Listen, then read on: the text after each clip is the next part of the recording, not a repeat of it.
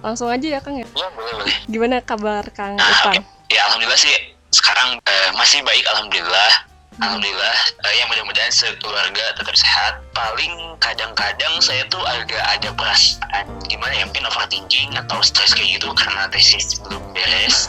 Ternyata Iya. kalau kemarin-kemarin agak santai gitu ya. Iya. Eh ternyata makin ke sini karena emang waktunya makin mepet jadi ada perasaan-perasaan gimana gitu agak susah ngedeskripsinya sakit enggak tapi kayak gimana ya nggak nyaman aja gitu Tekanan batin nyaman kali. pikiran tuh ternyata ah, ternyata ngefek juga ke ke badan gitu kadang-kadang Dari awal banget pandemi Kang Irfan sama sekali tidak ada gejala apa-apa ya?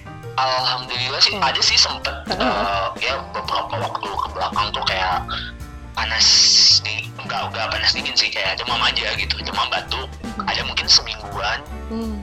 Bulan ke belakang kalau dulu dulu alhamdulillah sih enggak paling justru ada lah gitu kayak mama kadang-kadang demam terus adik saya juga sempat batuk apa gitu eh, semingguan nah itu yang paling kadang bikin agak parno juga gitu Hmm. meskipun nggak nggak nyampe ke dokter gitu sih paling ke Pak Mantri gitu Oh. Eh, di di rumah apa di kampung gitu ya udah alhamdulillah sih Hmm. Ini posisinya di Tasik kan Kang? Di Tasik ya di rumah Nah, di kok- tepatnya di desa Cikondang kecamatan Cineam jadi kan Tasik itu ada ada dua ya ada kota sama kabupaten nah, saya di Hmm. kabupaten Hmm. dan jarak dari kota ke saya tuh adalah mungkin 30 kiloan kalau pakai Hmm. motor sejaman Kalau di kota atau ya di tempat tinggal Kang Irfan, masyarakatnya gimana sih dengan kehadiran si virus ini?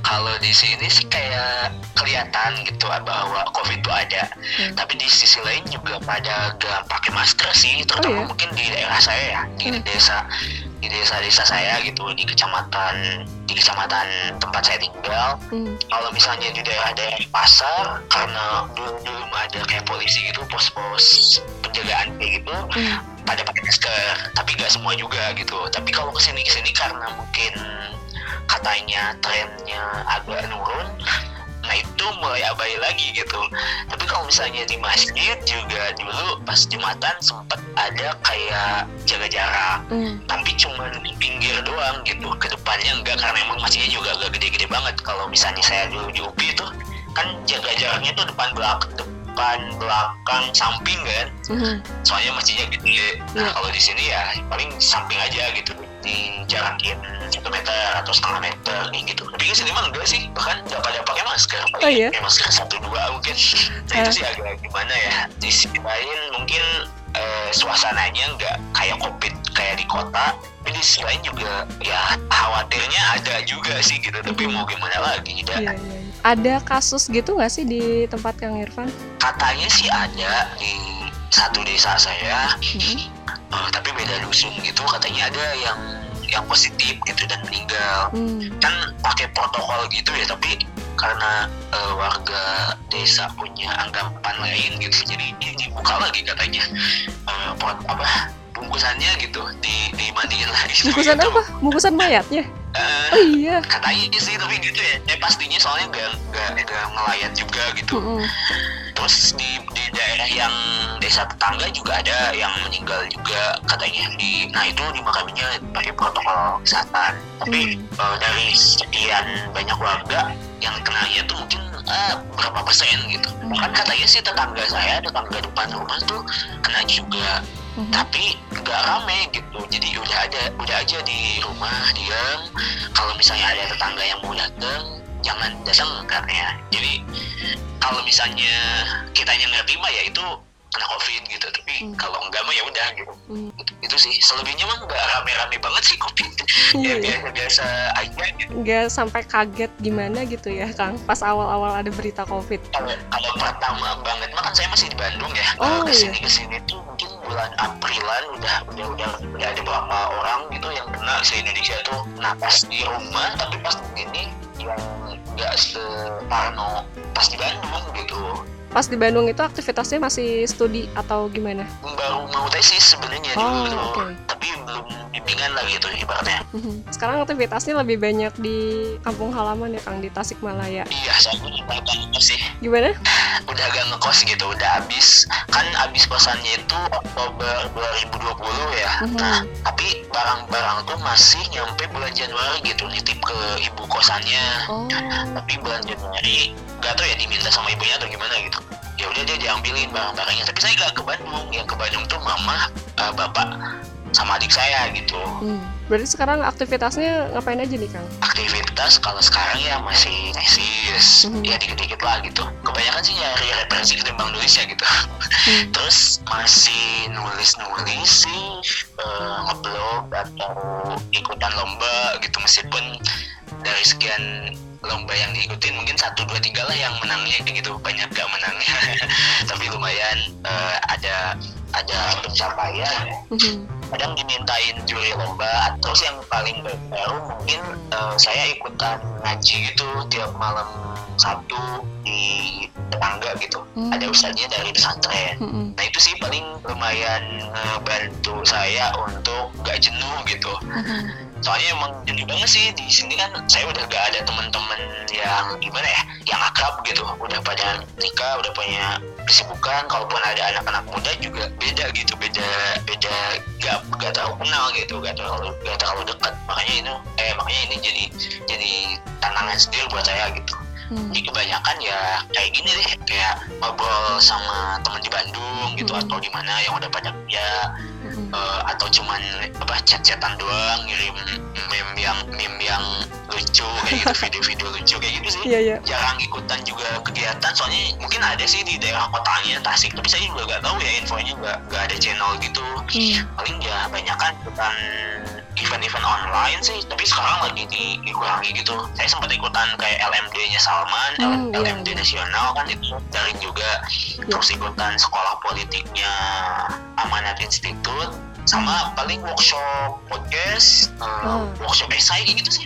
yang, Iya, iya, yang iya. menunjang hal-hal yang saya minati gitu di Aha. bidang nulis podcasting Iya, iya. kepemimpinan kayak gitu-gitu Nah ini jadi ngerambat ke podcast nih. Kang Irfan ini kan sebagai seorang podcaster ya, udah cukup lama terjun di dunia ini gitu kan. Awal mulanya tuh gimana sih Kang? Diceritain ulang mungkin ya, karena udah cukup rutin kayaknya ditanyain kayak gini. Awalnya sebenarnya eh, saya kan main Tumblr ya. Nah di Hmm. Tumblr tuh saya nge-follow Bang Iqbal Haryadi. Dia rame juga tuh dulu di Tumblr gitu. Bisa dibilang seleb Tumblr. Terus ada juga eh, seingat saya sih Mbak Mutia Prawitasari juga sama ram- eh, apa banyak followernya lah di Tumblr. Terus kayak nge-share nge-share eh, tentang Bang Iqbal gitu. Terus saya kepo, terus saya follow eh, dengerin podcastnya juga ya ternyata asik gitu bisa kayak ngomong perspektif kita tentang satu isu atau satu kejadian tertentu gitu. Tapi itu enggak mungkin sekitar 2016 atau 2015 ya saya agak lupa mulai dengerin podcast pertama itu. Terus di akhir 2017 jadi ada dorongan aja gitu buat bikin podcast sendiri. Karena kan eh, saya juga lumayan suka sharing gitu sih. Kalau misalnya kemampuan public speaking mah apa jelek gitu. Gak ada gak ada lah gak, gak punya riwayat itu atau background belajar public speaking secara intens kayak gitu. Hmm. Eh, tapi mungkin dulu kayak kayaknya asing nih jadi penyiar gitu. Pas SM MTS mungkin atau SMA gitu. Tapi Iya. nggak tahu juga gimana caranya gitu. Nah berhubung ada podcast ya udah deh pakai podcast aja buat sharing-sharing gitu. Itu tuh seingat saya 2017 akhir ya mungkin Oktober atau Novemberan saya bikin episode nolnya 2019 atau 18 ya itu mulai ada anchor dan itu tuh nggak nggak berbatas kayak SoundCloud gitu. Ya udah saya hijrah ke Anchor. Terus Anchor juga kan distribusi otomatis ke berbagai platform jadi sangat terbantu banget dari 2017 sampai sekarang tuh baru 45 episode jadi gak terlalu produktif banget sih sebenarnya nggak podcast. Di samping ada segmen-segmen lain gitu kayak segmen bacakan puisi dan itu paling banyak soalnya paling gampang juga. Ada segmen berbagi cerita itu tuh saya mintain teman-teman buat monolog cerita gitu. Jadi gak saya pandu eh, sebagai hostnya gitu. Langsung aja cerita terus ada uh, segmen yang terbaru tuh ada jurnal tesis nah itu sebenarnya curhat aja tapi jurnal tesis tuh sebenarnya nggak saya share linknya tapi ada di podcastnya gitu ah, iya, iya. kayak curhat-curhat aja lah uh, perkembangan saya tesis kendala-kendalanya apa gitu itu baru dua episode kalau nggak salah Mhm. jadi yang episode-episode yang lain mah nggak saya hitung gitu kayak membacakan sajak membacakan esai itu nggak di episode-episodein yang di episode yang yang monolog sama yang ada segmen duduk bareng nah itu sama temen gitu kayak gini nih uh, sama sama tamu gitu Hmm. itu sih Mhm. Jadi isi podcastnya ini beragam banget ya Kang ya. Bisa dibilang nano-nano beragam gitu ya. Ah, jadi sebenarnya saya tuh berkiblatnya lebih ke blog pribadi gitu tapi Oh, dalam format audio Iya iya iya. Jadi jurnal aja lah jurnal harian gitu berisi hal-hal yang disukai aja dari mulai menulis membaca puisi esai kayak gitulah Eh, termasuk mungkin kayak kegiatan-kegiatan kerelawanan dan semacamnya kayak gitu Mhm. Dari 2017 awal mula nge-podcast sampai sekarang udah ada 45 episode ya. Isi, dengan isi yang yang regulernya dengan isi yang beragam tadi ya. Sekarang ini kan si podcast ini sangat menjamur ya. Setiap orang tuh punya akun podcast atau siniar. Ada tantangan gak sih ketika melakukan podcast eh, zaman sekarang gitu? kalau saya sih dari awal juga orientasi nge-podcast emang bukan buat profit gitu ya lebih ke portofolio diri sendiri sih lebih ke portofolio karya saya sendiri dan sekalian belajar ngomong Mhm. eh, terus juga nge-share gitu ketika pun sekarang si podcaster itu menjamur saya gak merasa gimana-gimana gitu gak merasa tersaingi atau gimana karena saya yakin ada yang ngedengerin podcast saya meskipun mungkin satu dua orang. Tapi sebenarnya yang prioritas adalah podcast saya untuk saya sendiri gitu. Saya dengerin ulang kayak gimana bisa evaluasi dari podcast tersebut. Meskipun nggak naif juga kalau ada keinginan untuk monetisasi. Meskipun sampai sekarang sih belum ada gitu belum ada tanda-tandanya monetisasi kayak eh, tawaran iklan dari Anchor misalnya. Tidak apa-apa Eh, saya mah yang penting bikin konten dulu Mhm. istiqomah gitu yang penting. Nanti juga orang bakal ngeliat gitu kalau misalnya lewat istiqomah itu potensi-potensi buat kerjasamanya bakal muncul dengan sendirinya gitu. Dengan ngelihat kesungguhan saya konsisten itu kayak gitu. Jadi jujur saya nggak merasa gimana-gimana gitu soalnya meskipun banyak podcaster terutama yang yang apa ya yang kayak saya misalnya yang bukan yang bukan tokoh pub- publik yang yang udah terkenal sebelumnya itu tuh meskipun pada banyak yang bikin podcast eh, saya lihat juga banyak yang gak gak istiqomah gitu jadi Hmm. cuman bikin satu dua episode atau berapa terus udah vakum kayak gitu nah saya sebisa mungkin meskipun vakum balik lagi balik lagi kayak gitu sih jadi orang akan tertarik buat buat dengerin Hmm. Eh, kayak gitu beda lagi ceritanya kalau misalnya yang yang kayak artis-artis selebritis kayak gitu kan eh, sekali nge-podcast langsung banyak pendengarnya ya Hmm. Nah, Karena udah punya gitu, masa, Saya ya. nggak ngebandingin sama mereka juga gitu. Eh, setiap podcast ada pendengarnya sendiri sih menurut saya gitu. Iya, karena podcast punya ciri khas masing-masing lah ya, bisa dibilang kayak gitu. Iya ya. Mhm. Ada perbedaan nggak sih Kang ketika nge-podcast atau bikin konten podcast sebelum dan selama pandemi? Ini kan udah berjalan 2 tahun ya, hampir 2 tahun pandeminya. Gimana nih? Kalau saya ingat-ingat sih kayak nggak terlalu banyak eh, perbedaan ya. Sebelum pandemi mungkin enaknya bisa ketemu langsung. Kalau misalnya mau ngobrol bareng gitu, jadi suaranya lebih lebih asli lah gitu, lebih natural, lebih bagus, lebih jernih. Mhm. tapi itu pun tergantung alatnya sih. Kalau pakai HP doang mah ya sama-sama aja.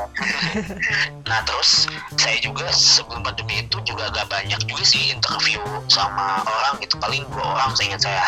Satu sama Kang Puji itu founder kelompok belajar Aurora di Cianjuang. Kayak les-les gitulah les-les non formal pendidikan non formal gitu.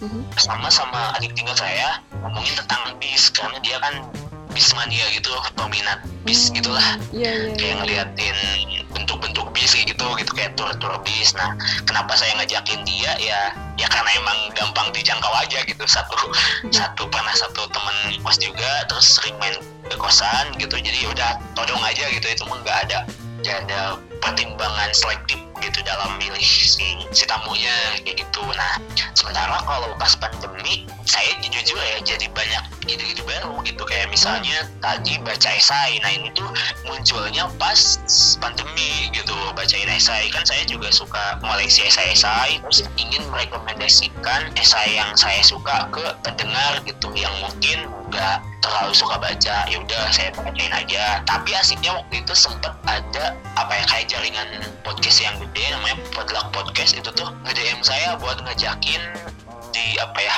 si segmen membacakan esai itu tuh jadi di apa ya kerjasama sama mereka gitu. Jadi nyantumin logo mereka terus diupload juga di jaringan di podcastnya kayak gitu. Tapi itu saya gak istiqomah sih nggak nggak dilanjutin. Mungkin satu dua episode doang gitu. Selanjutnya nggak saya gak hilang aja gitu. Nggak nggak pamitan buat gak ngelanjutin atau gimana. Terus uh, saya juga waktu itu tuh bikin kayak podcast singkat di IG gitu.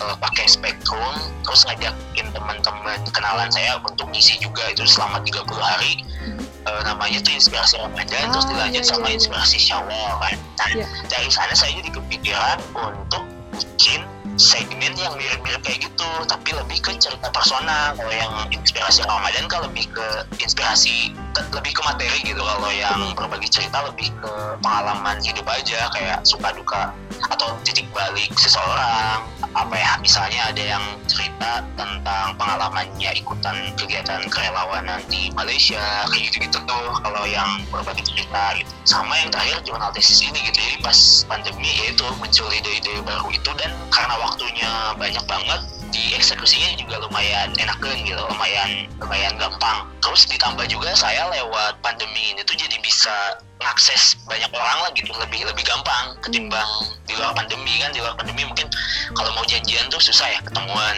Kalau ini mah eh, meskipun orangnya di Bandung orangnya di Karawang bisa saya telepon pakai berbagai macam eh, aplikasi conference kayak gitu ya Zoom atau apa gitu.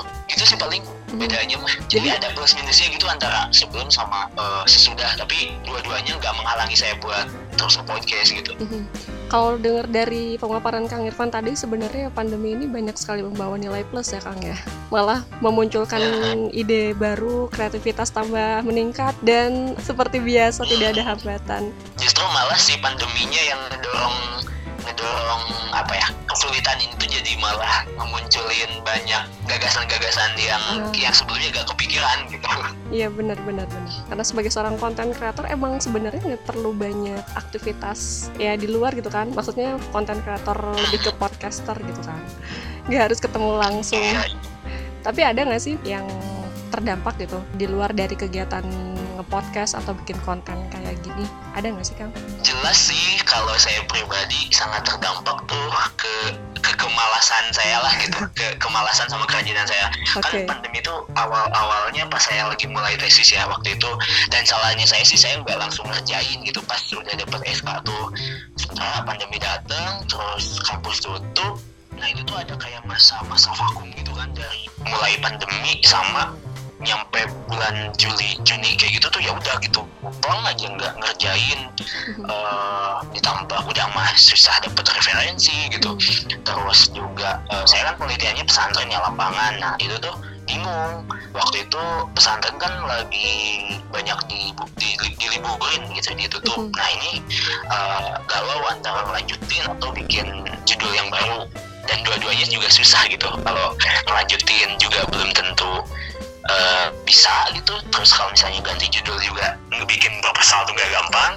Eh, kayak gitu sih jadi jadi jadi agak banyak banyak kendalanya gitu. Terus untuk bimbingan sendiri saya sendiri sih agak terhambat ya. Beda gitu kalau bimbingan langsung sama bimbingan yang via email via WhatsApp via Zoom kayak gitu tuh ada ada perbedaan yang yang beda banget gitu. Eh, itu sih saya lebih yang paling banyak sih emang ke studi ini lebih dominan gitu. Kalau yang lain mungkin nggak terlalu ya. Mhm. Oh ya, paling karena emang saya tipikal extrovert ya, ditambah juga eh, sebenarnya sih teman-teman udah pada susah juga dijangkau karena pada sibuk gitu. Ya. Ya ini jadi agak ag- agak stres juga gitu. Tapi saya juga ada sisi introvertnya, jadi lumayan ketolong juga ya disiasati dengan nulis puisi sama baca puisi aja sih itu lumayan membantu. Hmm, balik lagi ya ke karya ya. Hmm. Kembali. Bener-bener jadi segala sesuatunya kalau misalnya tadi mungkin studinya terhambat terus terkendala komunikasi atau ketemu langsung sama temen pasti ujung-ujungnya kalau Kang Irfan ini balik lagi menjadikan itu semua kegelisahannya menjadi sebuah karya ya. Entah itu lewat puisi ataupun iya iya tulisan. bener-bener gitu tapi proses bisa sampai ke sana ada effort gitu. Atau mungkin karena memang udah terbiasa kali ya dari dulu menuangkan segala sesuatunya lewat karya-karya gitu.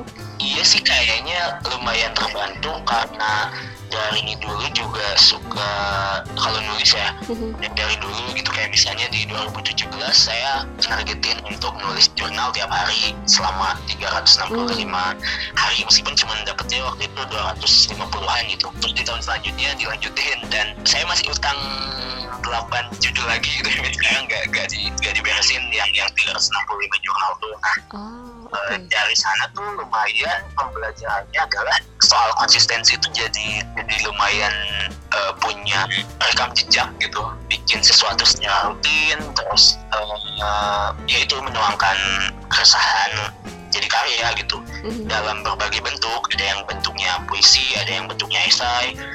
yang bentuknya podcast. Kalau vlog sih enggak sih. Kalau eh, apa apa enggak ter video gitu kan. nggak ada tertarik, kan? effort gitu. Ada ketertarikan mungkin nanti nextnya bikin vlog? Ada sih. Soalnya kayaknya menariknya teh YouTube ada duitnya gitu. Iya bener-bener. Tapi tapi ya harus emang waktunya harus lebih banyak juga sih kalau YouTube gitu Mhm. dari alat-alatnya juga harus oke meskipun sebenarnya pakai juga bisa bisa aja tapi Iya. eh, tetap aja gitu kalau alatnya bagus ke kualitasnya juga lebih bagus gitu tapi emang ada sih si podcast saya juga pengen kayak di komposer lah gitu ada Oh, iya, iya, videonya sekarang banyak yang kayak gitu ya Kapan. Banyak yang kayak gitu ya modelnya. Eh, Nah, ke depannya nih Kang Irfan, harapannya apa? Ada rencana mungkin atau target dalam waktu dekat? kalau yang utama sih tentu lulus lah gitu. Soalnya ini tuh kayak hambatan lah gitu. Maksudnya hambatan tuh bukan artian gimana ya? Kalau misalnya ini belum beres jadi yang lain tuh jadi kehambat gitu. Misalnya saya ada project nulis buku profil mahasiswa berprestasi. Sebenarnya udah dari lama banget dari 2014 tapi sayanya nggak nggak bikin planning yang bagus. Terus eksekusinya juga nggak rajin gitu. Soalnya kan sendirian gitu.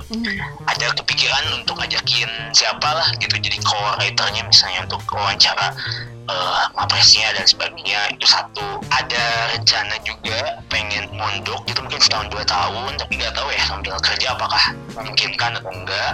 Pengen serius belajar nulis sih. Maksudnya eh, selain ikutan workshop workshop yang diadain sama komunitas atau toko eh, apa penerbit penerbit saya juga pengen datang ke penulisnya langsung gitu. Dalam konteks ini mungkin lebih ke puisi lah lebih ke penyair gitu. Hmm. datang langsung maksudnya kalau istilah pesantren mah sowan gitu. Ah, iya. sowan ke kiai kan kalau kalau pesantren ini sowan ke penyair gitu. Bahkan Hmm. saya tuh pengen juga bikin segmen baru di podcast eh, Apa tuh? ngobrol sama penyair. Sebenarnya udah udah dari lama juga tapi belum eksekusi gitu. Dan saya udah ngobrol ke beberapa penyair pada mendukung juga gitu. Buat pada mau kalau misalnya mau interview sama mereka. Itu paling kalau dalam waktu dekat mah yang penting sih kuncinya di tesis itu sih. Di, di lulus. Oh iya ada kepingin juga saya tuh langsung S3 gitu. Tapi selalu mikir lagi ah jangan deh kalau S3 mah nanti aja kayaknya belum layak gitu.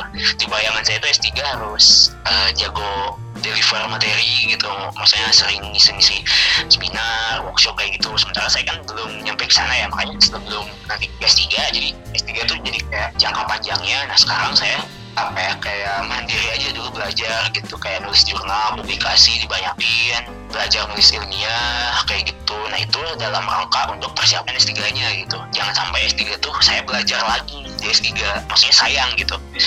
Jadi makanya pengen pas S3 tuh ya lebih banyak nasi gitu ketimbang ketimbang belajarnya gitu. Ketimbang latihan dari awal dari nol gitu sih.